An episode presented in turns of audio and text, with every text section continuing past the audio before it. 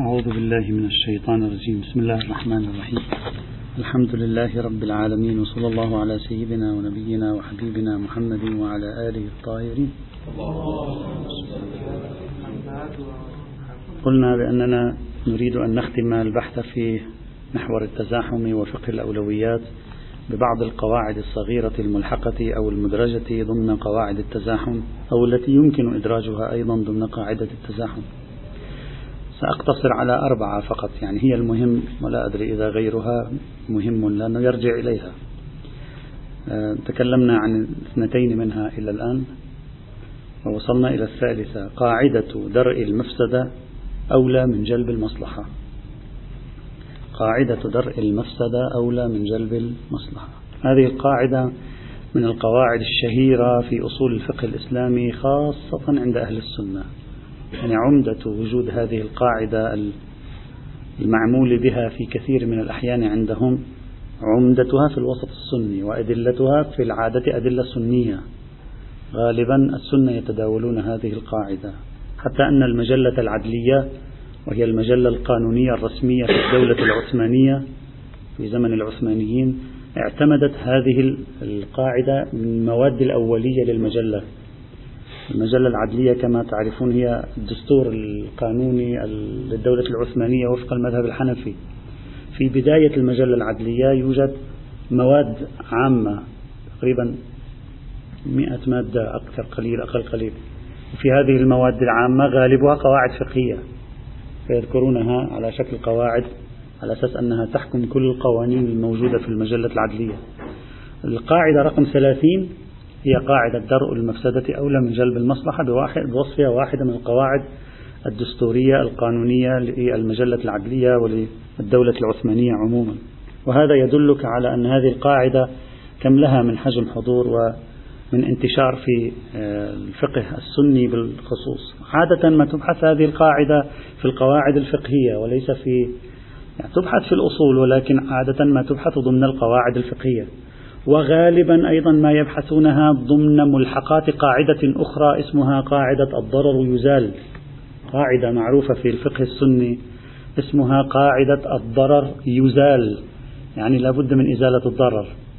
ولذلك تجد أن قاعدة درء المفسدة أولى من جلب المصلحة على صلة وثيقة بقاعدة نفي الضرر على صلة وثيقة بقاعدة الضرر عموما والتي منها ومن مخرجات قاعدة الضرر الضرر يزال وينجم عنها ويلحق بها درء المفسدة أولى من جلب المصلحة. لأننا قلنا سابقا ونحن نتكلم عن الطوفي كيف أن الفقه السني عموما لم يفصل بين الضرر والمفسدة. نظر إليها بمنظار عام قال كل ما فيه مفاسد فهي مضار.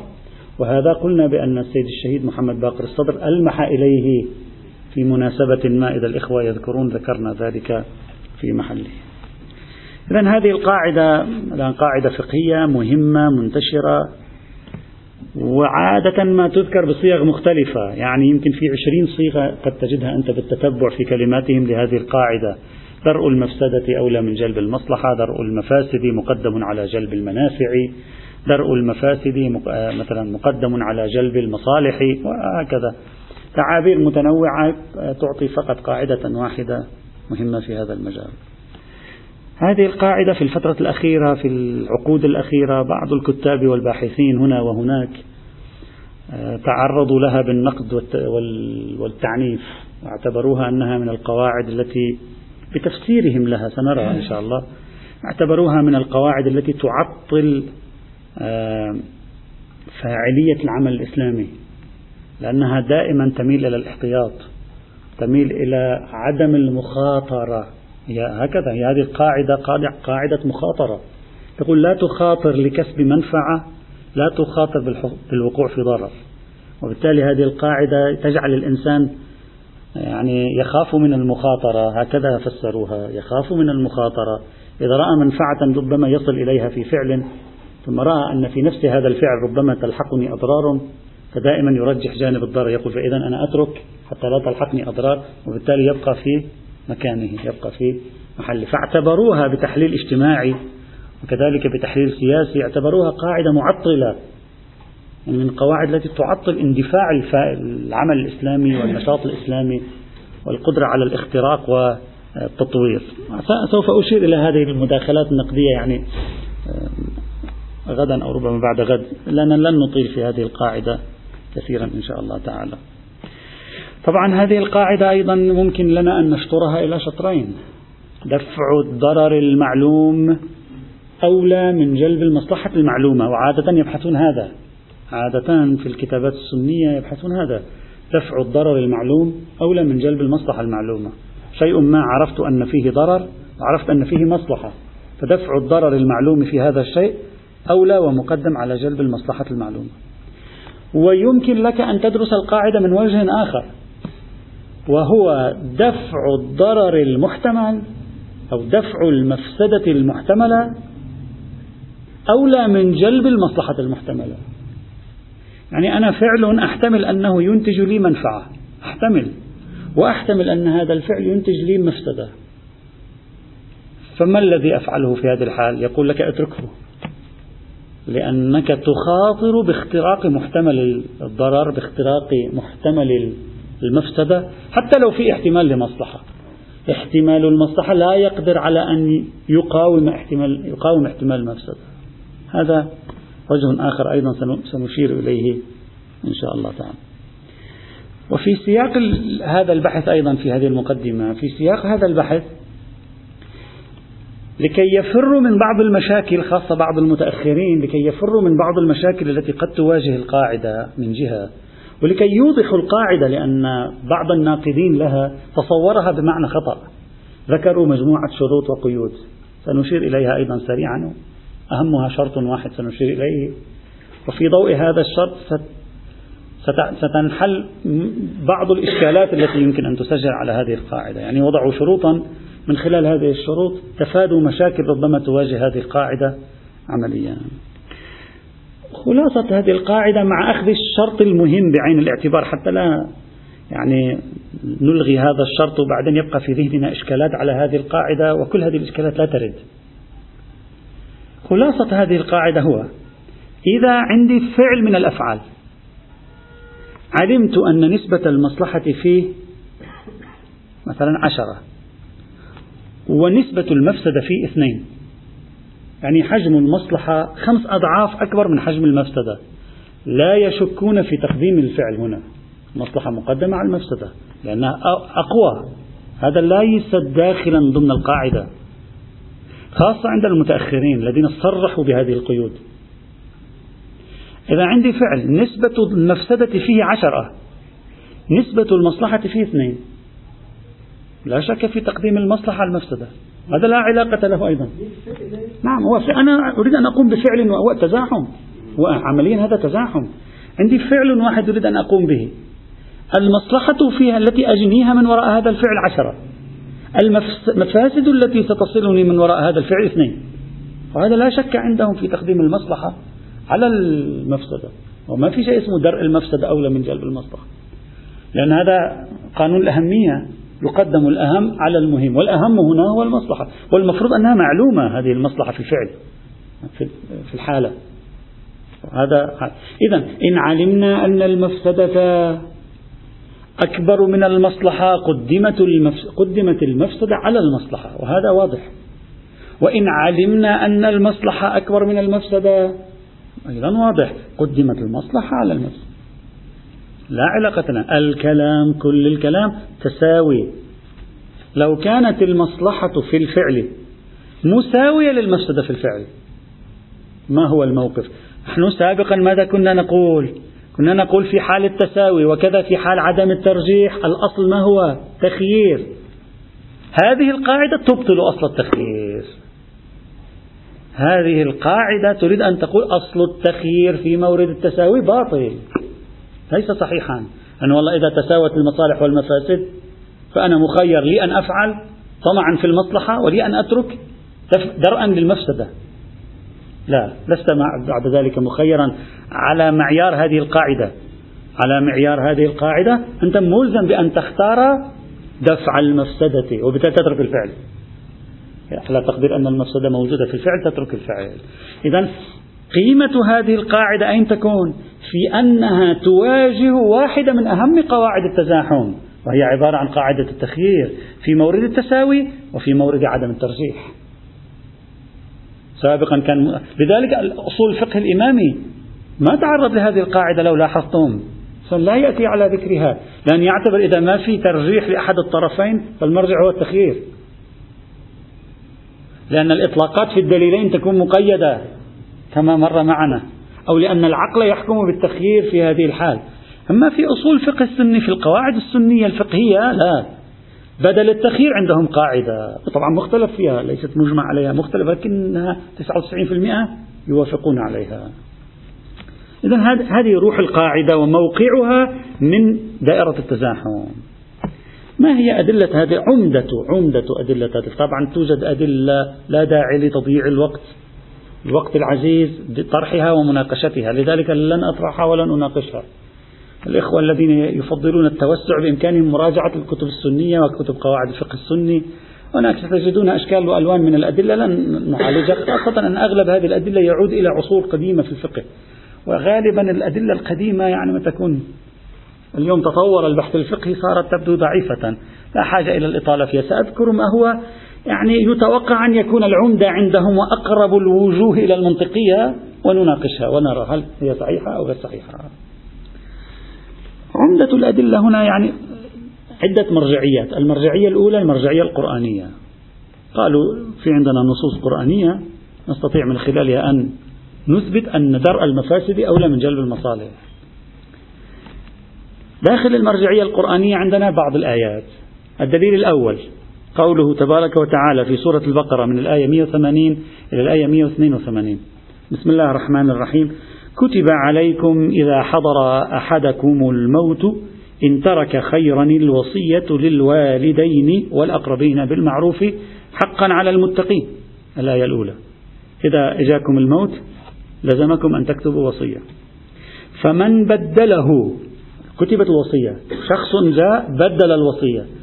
فمن بدله من بعد بعدما سمعه فإنما إثمه على الذين يبدلونه. إن الله سميع عليم. الآية الثانية ماذا تقرر؟ يجب الالتزام بالوصية. ممنوع تبديل الوصية. جرم أن تبدل الوصية. الآية الثالثة. فمن خاف من موص جنفا أو إثما. خاف الموصي الموصي أجحف في الوصية. ظلم بعض الأطراف. أجحف في الوصية وظلم بعض الأطراف. أنت الآن رأيت أن هذا الموصي أجحف. ما العمل؟ فمن خاف من موص جنفا أو إثما ميلا أو إثما فأصلح بينهم فلا إثم عليه. إن الله غفور رحيم. لا بأس هذا بإمكانه أن يبدل الوصية. بإمكانه أن يبدل الوصية صار. إذا صار عندنا ثلاث أحكام. في الآية الأولى تقرير مبدأ لزوم الوصية. في الآية الثانية لزوم اتباع الوصية التي قدمها الموصي. في الآية الثالثة ترخيص في تبديل الوصية. آه. ما علاقة هذه البحث؟ قالوا الآن نريد أن نستنطق من هذه الآيات ما ينفع في قاعدة درء المفاسد. قالوا على الشكل التالي. قالوا الآية الثالثة فمن خاف من موص جنفا أو إثما هذه الآية استثناء.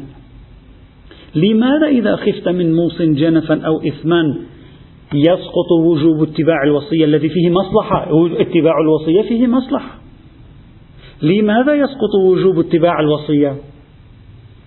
لمفسدة عارضة في الحالة الاستثنائية وهي مفسدة الجنف أو الإثم الظلم فهنا في مورد كون الموصي قد أجحف ظلم بعض الأطراف تتعارض المفسدة الموجودة في وصيته مع المصلحة الموجودة في اتباع الوصية. هنا مصلحة تقتضيها اتباع الوصية هنا مفسدة يقتضيها ماذا؟ نوعية وصية الموصي الظالم. تعارضت المفاسد مع المصالح تدرأ المصالح تدرأ المفاسد. تقدم على المصالح. إذا نطرح مصلحة اتباع الوصية لصالح درء مفسدة الظلم الآتي من الموصي. فكأنهم يريدون أن يقولوا بأن بنية هذا الاستثناء في الآية الثالثة لا يمكن أن نفهمه إلا أن الله بنفسه طبق قاعدة درء المفسدة أولى من جلب المصلحة. بالأصل في مصلحة في اتباع الوصية لكن ما دامت الحالة هذه قد صاحبها مفسدة تعارضت المصلحة والمفسدة قدمت المفسدة على المصلحة. تخلينا عن مصلحة الاتباع لصالح درء مفسدة الظلم الآتي من الوصي من الموصي. هذا استدلالهم بهذه الآية الكريمة. إلا أن هذا الاستدلال كما هو واضح ليس بصحيح. حتى بوصفه قرينة لأنه ليس بمعنى دليل مستقل. هم لا يريدون أن يذكروه كدليل مستقل. حتى بوصفه قرينة لا يصلح. وذلك. أولا الآية تجيز تبديل الوصية بالمصالحة. الآية أنت لاحظ الآية القرآنية ماذا تقول؟ تقول فمن خاف من موص جنفا أو إثما فأصلح بينهم. ما قالت فبدل الوصية قال فأصلح بينهم. الآية تقول تجيز تبديل الوصية بالمصالحة. طيب هذه المصالحة إما تقع بين الموصى إليهم والورثة سوي معهم مصالحة بعد ما توفى رحمة الله عليه الميت. نوقع مصالحة نقول يا جماعة هذا وصيته ظالمة. تعالوا لنرفع هذا الظلم الذي تضمنته وصية هذا الرجل. أيها الذين أوصي إليهم أيها الورثة تعالوا نسوي صيغة نتصالح فيما بيننا نرفع الحيف الجنف الذي فعله هذا الرجل. هذه مصالحة بين الموصى إليهم والورثة. أو لا. مصالحة بين النفس الموصي والأطراف الذين دخلوا في الوصية. يعني وهو يوصي نأتي نقول له هذا ظلم هذا كذا يجب عليك أن تبدل تعال نبدل سأبدل الوصية. أنت تبدل الوصية بناء على إجراء مصالحة معه. بناء على إجراء مصالحة المهم في الآية يوجد مصالحة. إما الموصي داخل في المصالحة أو الموصي ليس داخلا في المصالحة وإنما الأطراف الذين هم وقع عليهم الحيف. أو لمصلحتهم كان هذا الحيف إذا صح التعبير هؤلاء نوقع بينهم مصالحة. وإلا فأصلح بينهم ما معناها؟ ما قال فأصلح حال الوصية قال فأصلح بينهم. لا يكون لها معنى. إذا هذا لابد نأخذه بعين الاعتبار. بناء عليه. إذا ففي نهاية المطاف الخطوة التي سنقوم بها في الآية الثالثة خروج عن مقتضى المقتضى الأولي للوصية بالتصالح. خروج عن مقتضى الأصل الأولي في الوصية بالتصالح. طيب. وحيث إن الوصي الآية وصفت فعل الموصي بأنه ظلم وخروج عن الحق. يعني وصفت فعله هو بأنه ظلم وخروج عن الحق. فهي تعتبر أن فعله بنفسه غير شرعي. يعني بمجرد أن الآية وصفت أن الموصي تضمنت وصيته الجنفة أو أو الإثم فهذا تعبير آخر عن أن وصيته غير شرعية. إذ لا يجوز أن تكون الوصية شرعية وهي ظالمة. يعني أو فقل هذا النوع من التعبير هو تعبير كنائي عن ظلم الوصية. يعني الوصية سنخ وصية غير شرعية غير أخلاقية لأنها وصية ظالمة لأنها وصية تحمل إثما. إذا كان الأمر كذلك فهذا الاستثناء في الآية ليس في تغيير الوصية. يعني ليس استثناء عن تغيير الوصية بل هو تغيير في وصف الوصية. بعد أن كانت وصية عادلة الآن أصبحت وصية ظالمة. دقق معي جيدا.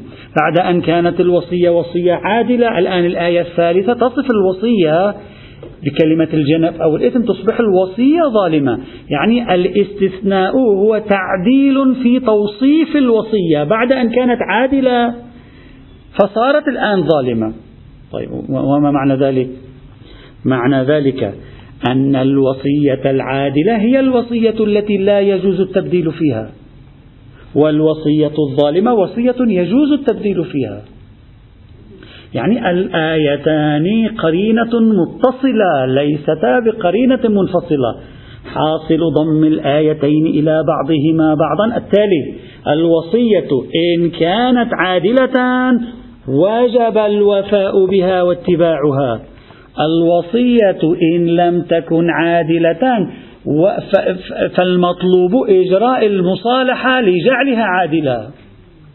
وحيث إن الطرف يتصور أن تغيير الوصية ممكن أن يلحقه فيه إثم أرادت الآية أن تقول له لا تخف هذا ليس فيه إثم.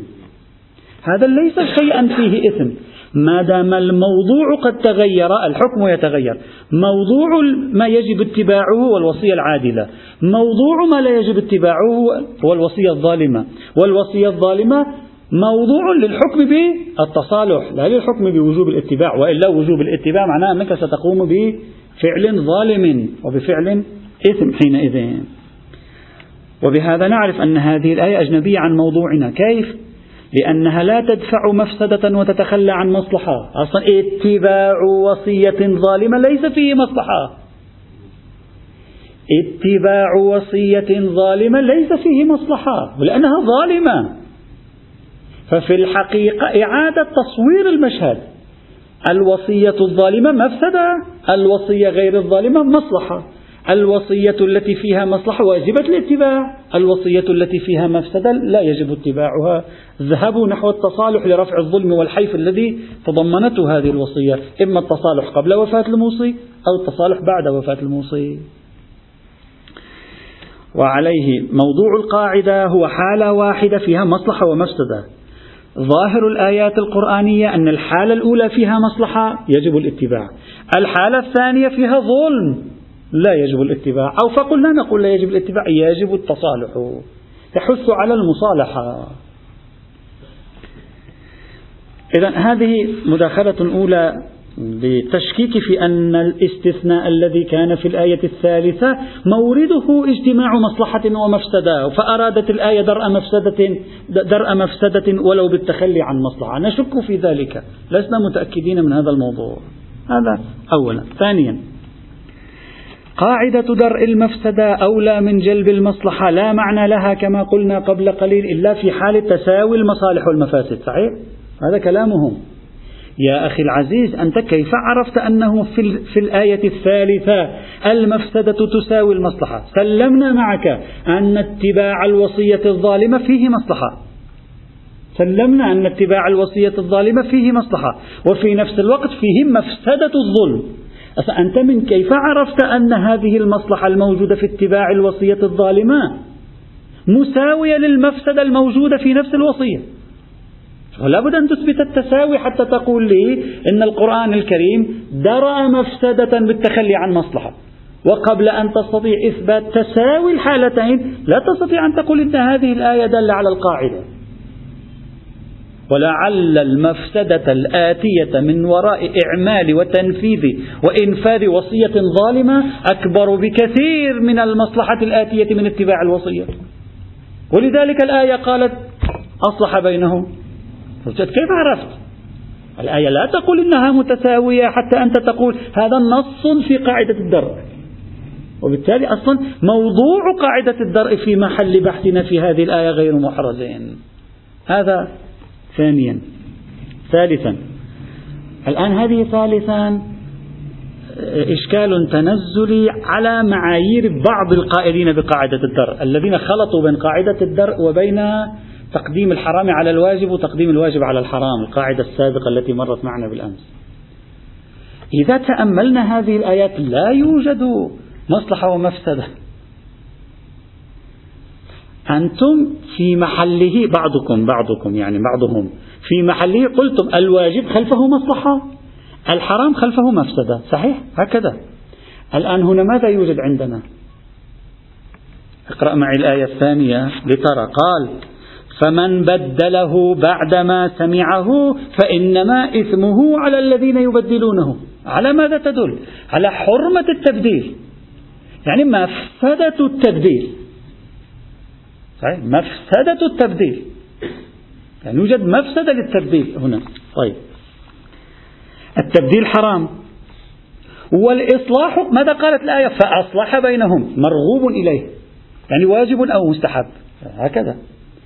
إذا الآن إذا أنا أردت أن أطبق قاعدة الدرء ما الذي يجب علي أن أفعله؟ يوجد مصلحة في الإصلاح لأن الإصلاح واجب. فتقف خلفه مصلحة. ويوجد مفسدة في التبديل لذلك كان التبديل حرام. فيجب درء المفسدة بترك المصلحة.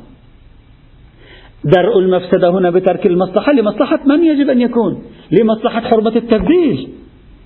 يعني كان المطلوب من الآية القرآنية ليس أن تفتي لنا بجواز الإصلاح ومرغوبية الإصلاح. تصوروا معي المشهد الآن. عندي حكم وهو حرمة تبديل الوصية لا وجوب اتباع الوصية. الآية ظاهرها حرمة تبديل الوصية. حرمة التبديل تقف خلفها مفسدة. إذا صار عندي مفسدة التبديل وعندي مصلحة في التبديل. ظهر بواسطتي فأصلح. قاعدة درء المفسدة أولى من جلب المصلحة. ماذا تقول لي؟ تقول لي حافظ على أن لا تقع في مفسدة التبديل. واترك المصلحة الآتية من وراء التبديل. قاعدة درء المفسدة أولى من جلب المصلحة. يجب أن تكون هنا. لو كان القرآن يعملها كان يجب أن يقول فمن خاف من موص جنفا أو إثما هم لا يبدل. هكذا كان يجب أن يقول. لأن القرآن لو كان يبني على تقديم درء المفسدة على جلب المصلحة كان ينبغي له أن يدرأ مفسدة التبديل. على أن يأتي بمصلحته الإصلاح أو مصلحة التصحيح لأننا لو مشينا مع ظواهر الآيتين الأولى فيها لسان حرمة فيقف خلفه مفسدة على قولهم والثانية فيها لسان حث وطلب فتقف خلفها مصلحة. وكأن المستدل تصور المفسدة أين المفسدة الآتية من الموصي بنفسه.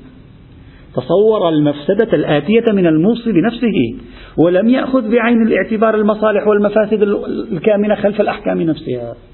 فإذا على قاعدته يلزم أن تكون النتيجة بالعكس فهذه الآية إن لم نقل لا تدل تدل على عكس قاعدة الدرء فهي لا تدل على قاعدة الدرء حينئذ.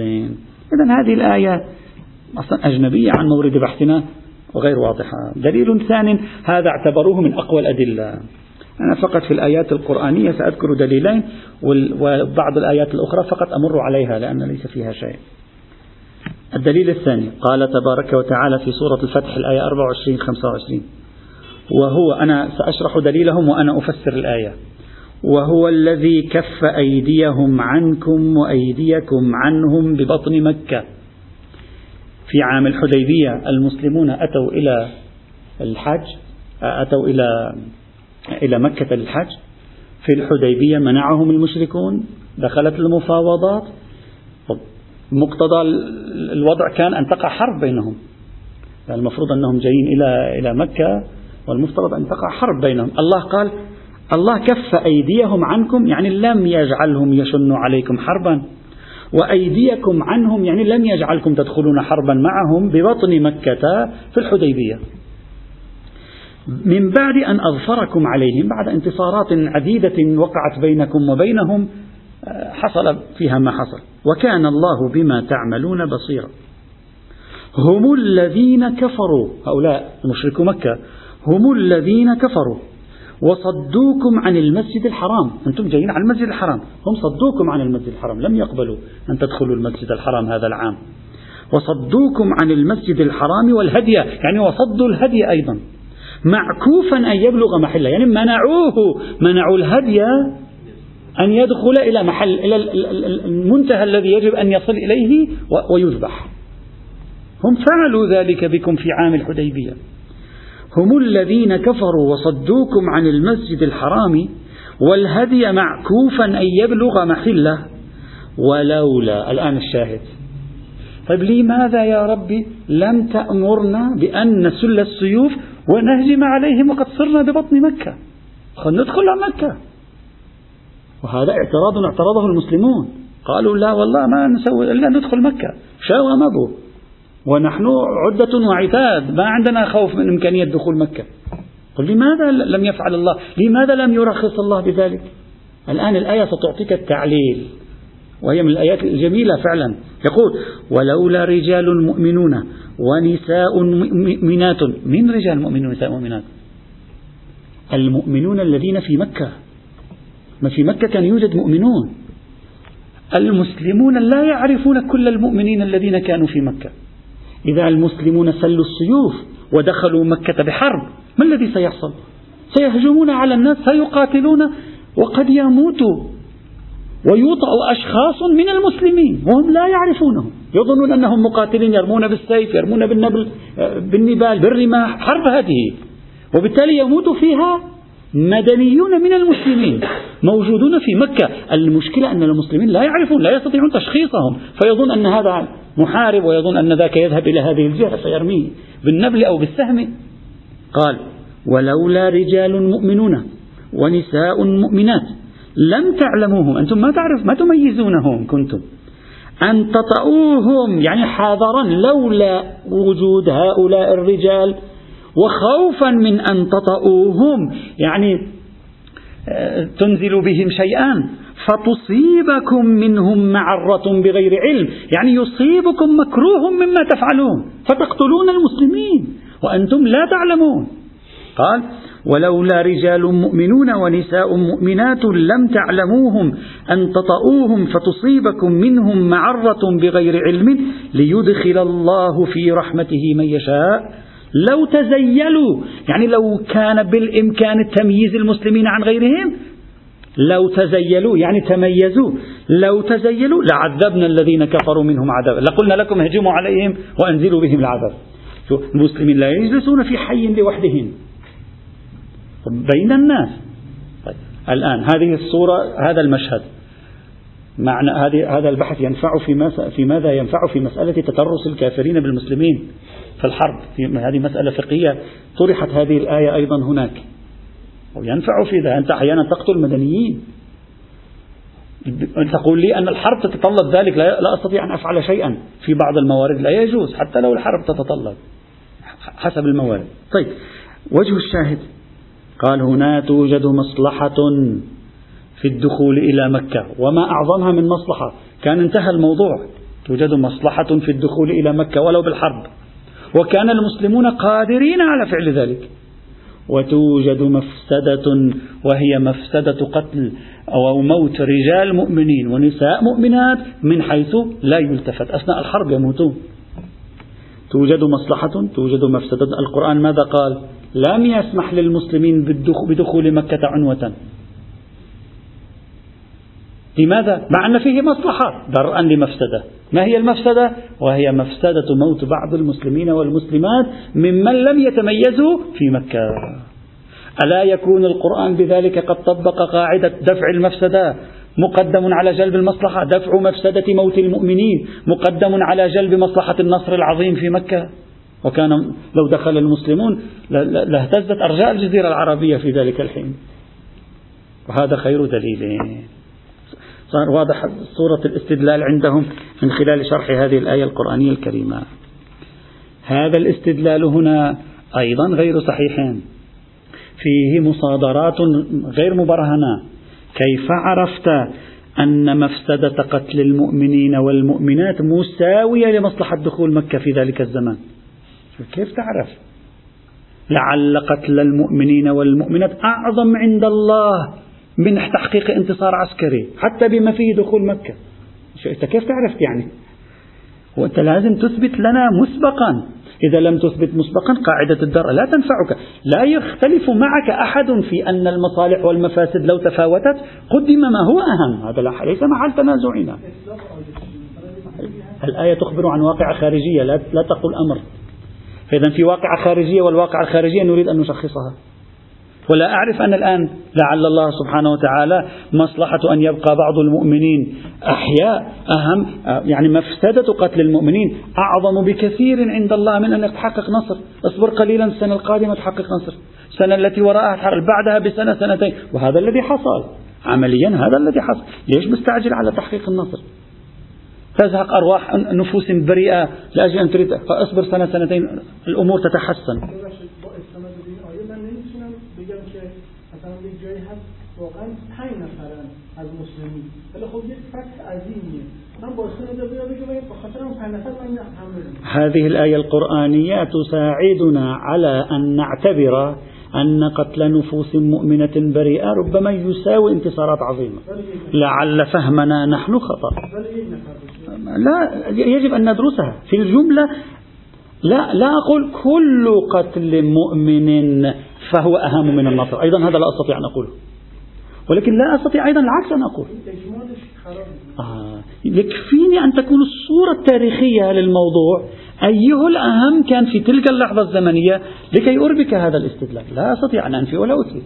وبالتالي هم يجب عليهم لكي يثبتوا أن يقولوا مصلحة فتح مكة. في ذلك العام في عام الحديبية تساوي مفسدة قتل بعض المؤمنين والمؤمنات فإذا ساوى ذلك بذلك نعم تكون الآية قد طبقت قاعدة الدرء. وهذا إثباته صعب. لا نستطيع أن نتكهن. الأمور التاريخية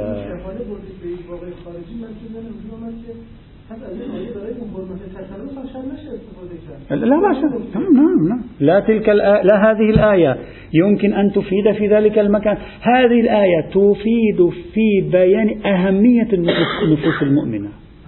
النفوس المؤمنة من قتل نفسا بغير نفس أو فساد في الأرض فكأنما قتل الناس جميعا. هذه الآية تعلن أن قتل النفوس أمر في غاية الأهمية والخطورة ويجب أخذ هذا المستوى من الخطورة بعين الاعتبار. لا تقول هو أخطر شيء على الإطلاق. نعم. ويلاحظ لا على أنه الأضحية التي يضحى بها كما في بعض الأجواء الثقافة الإسلامية الجهادية في أوساط المسلمين شيعة وسنة. أن هذه أضحية يضحى بها لا بأس. لا, لا مشكلة. فليمت عشرة عشرين مئة ألف خمسين ألف. يجب أن تعتبر من الأصل أنها في غاية الخطورة ثم نبدأ بالقياس. حينئذ إما نقدم غيرها عليها إما نقدمها على غيرها إلى آخره. يعني ما تريد الآية الكشف عن أهمية هذا الموضوع. لا القول لا يجوز الحرب دائما الجهاد محكوم لمنطق قتل المدنيين المؤمنين. لا ولا العكس. هذا هي فإذا هذه الآية أيضا غير واضحة في المقام لا لهذا الطرف ولا لذاك الطرف. هذه عمدة الآيات القرآنية التي استدلوا بها في المقام. توجد آيات أخرى استدلوا بها وهي يعني حقيقة غريب الاستدلال بها. لا تنفع في مقامنا أصلا ليست محل بحثنا. مثلا استدلوا بقوله تعالى ويسألونك عن الخمر يسألونك عن الخمر والميسر. قل فيهما إثم كبير ومنافع للناس وإثمهما أكبر من نفعهما. يعني ما علاقتها ببحثنا. هذا درء المفسدة الأعظم مقدم على مصلحة أقل وهذا كل المسلمين متفقون عليه قواعد تزاحماتي ما علاقة هذا بقاعدة الدرء؟ إذا تقصد من قاعدة الدرء هذا المعنى فكلنا متفقين عليه لا يختلف أحد فيه. أو مثلا كقوله تعالى أجعلتم سقاية الحاج وعمارة المسجد الحرام إلى آخره كمن آمن بالله. وهذا أيضا هذا أصلا إثبات التفاوت. محل تنازعنا في قاعدة الدرء هي مساحة محددة وهي صورة التساوي. أما غير صورة التساوي الكل متفق عليها لا نقاش فيها. أو مثلا ولا تسبوا الذين يدعون من دون الله فيسبوا الله عدوا بغير علم. على أساس أن المفسدة التي فعلوها وهي سب الله أكبر من المفسدة التي أنتم فعل فعلتموها وهي سب آلهتهم. على قول ابن قيم الجوزية إذا تذكرون في الاجتهاد في بحث الاجتهاد الزرعي قال أصلا بل, ليس بل ليس فيه مفسدة هذا سب آلهتهم. بل هو مطلوب لولا أنهم يسبون آلهتنا إذا هذه الآيات ينبغي حذفها من السياق. وعليه لا توجد بحسب ما عرضوه وبحسب التتبع آية قرآنية أو معطى قرآني يؤكد قاعدة اسمها قاعدة درء المفسدة مقدمة على جلب المصلحة بوصفها قاعدة كلية. مرجعية ثانية مرجعية تقديم المحرمات على الواجبات. قالوا الأصل تقديم المحرم على الواجب كما قال الشاطبي وابن حنبل. وما دام الأصل تقديم المحرم على الواجب إذا الأصل تقديم المفسدة على المصلحة. إلا ما خرج بالدليل. ما هو الدليل؟ أن تكون المصلحة أقوى من المفسدة. فهذا ال... آه. هذا الدليل مبني على نفس البحث المتقدم الذي درسناه في الأمس الذي يقول بأن الحرام مقدم على على الواجب، يعني وخلف كل حرام مفسدة وخلف كل واجب مصلحة، فلما علمنا من الشريعة أنها تقدم الحرام على الواجب، اذا هي تقدم المفسدة على المصلحة. فدرء المفسدة عندها أولى من جلب المصلحة. وقد ناقشنا هذا الكلام مبنائيا بل ناقشنا أن كل محرم خلفه مفسدة. وكل واجب خلفه مصلحة. بعض المحرمات قد تكون خلفه مصالح بمعنى أن الترك فيه يأتي بمصلحة لا أنه يؤتي بمفسدة إلا أن تسمي المفسدة هي عدم المصلحة. وبعض الواجبات قد يكون في فعله توفير المجال آه، منعا لمفاسد قد تأتي لا, لا تحقيقا لمصالح تأتي. إذا هذا أيضا إشكاله مبنائي تقدم معنا. المرجعية الثالثة عندهم ما أجمعه يعني متراميات أدلة أجمعها تحت عنوان مرجعية الفهم والارتكاز العقلاني والمتشرعي. ويمكن هنا ذكر بعض الصياغ. مثلا واحد قاعدة درء المفسدة أولى من جلب المصلحة منسجمة مع ذهنية الاحتياط في الشبهات التحريمية الذي سلكه أيضا الإخباريون. يعني الإخباري يجب أن تكون ذهنيته منسجمة مع قاعدة درء المفسدة إخباري ذهنيته منسجمة مع قاعدة درء المفسدة أولى من جلب المصلحة. لماذا؟ لأن لما تقول في الشبهات التحريمية الأصل هو الاحتياط في الشبهات الوجوبية لا يوجد أصل الاحتياط. لما تميز أنت ذلك ما, ما, ما الذي يكمن وراء هذا التمييز؟ إلا أن المفاسد مقدمة وأهم في الدفع من المصالح في التحقيق. وإلا لو كانت المصالح في تحقيقها مساوية في قوتها ومطلوبيتها لدرء المفاسد الكامنة خلف الشبهات التحريمية.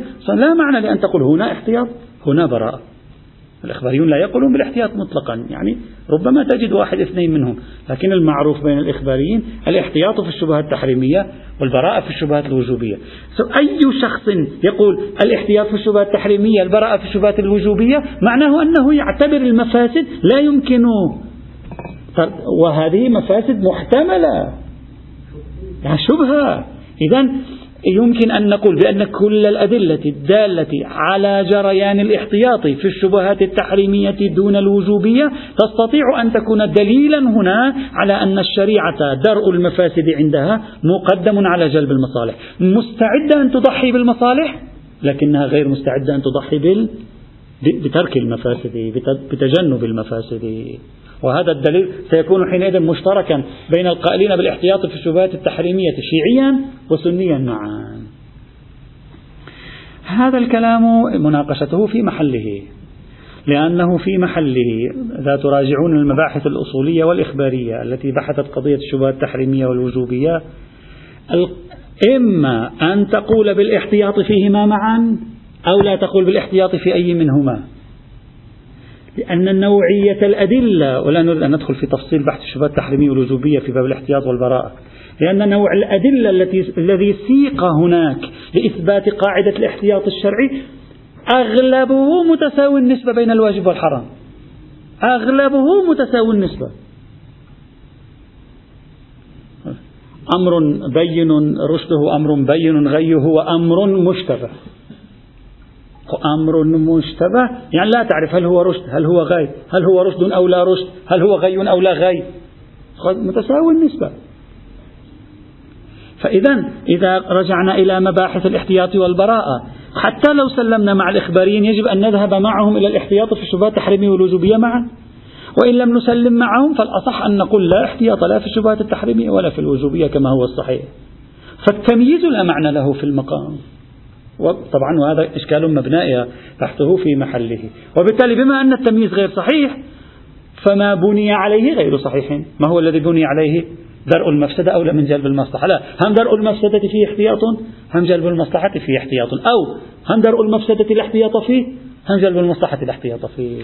فدعوى التفصيل في ذلك البحث لا وجه له. هذا وجه وجه ثاني يأتي إن شاء الله تعالى. والحمد لله رب العالمين.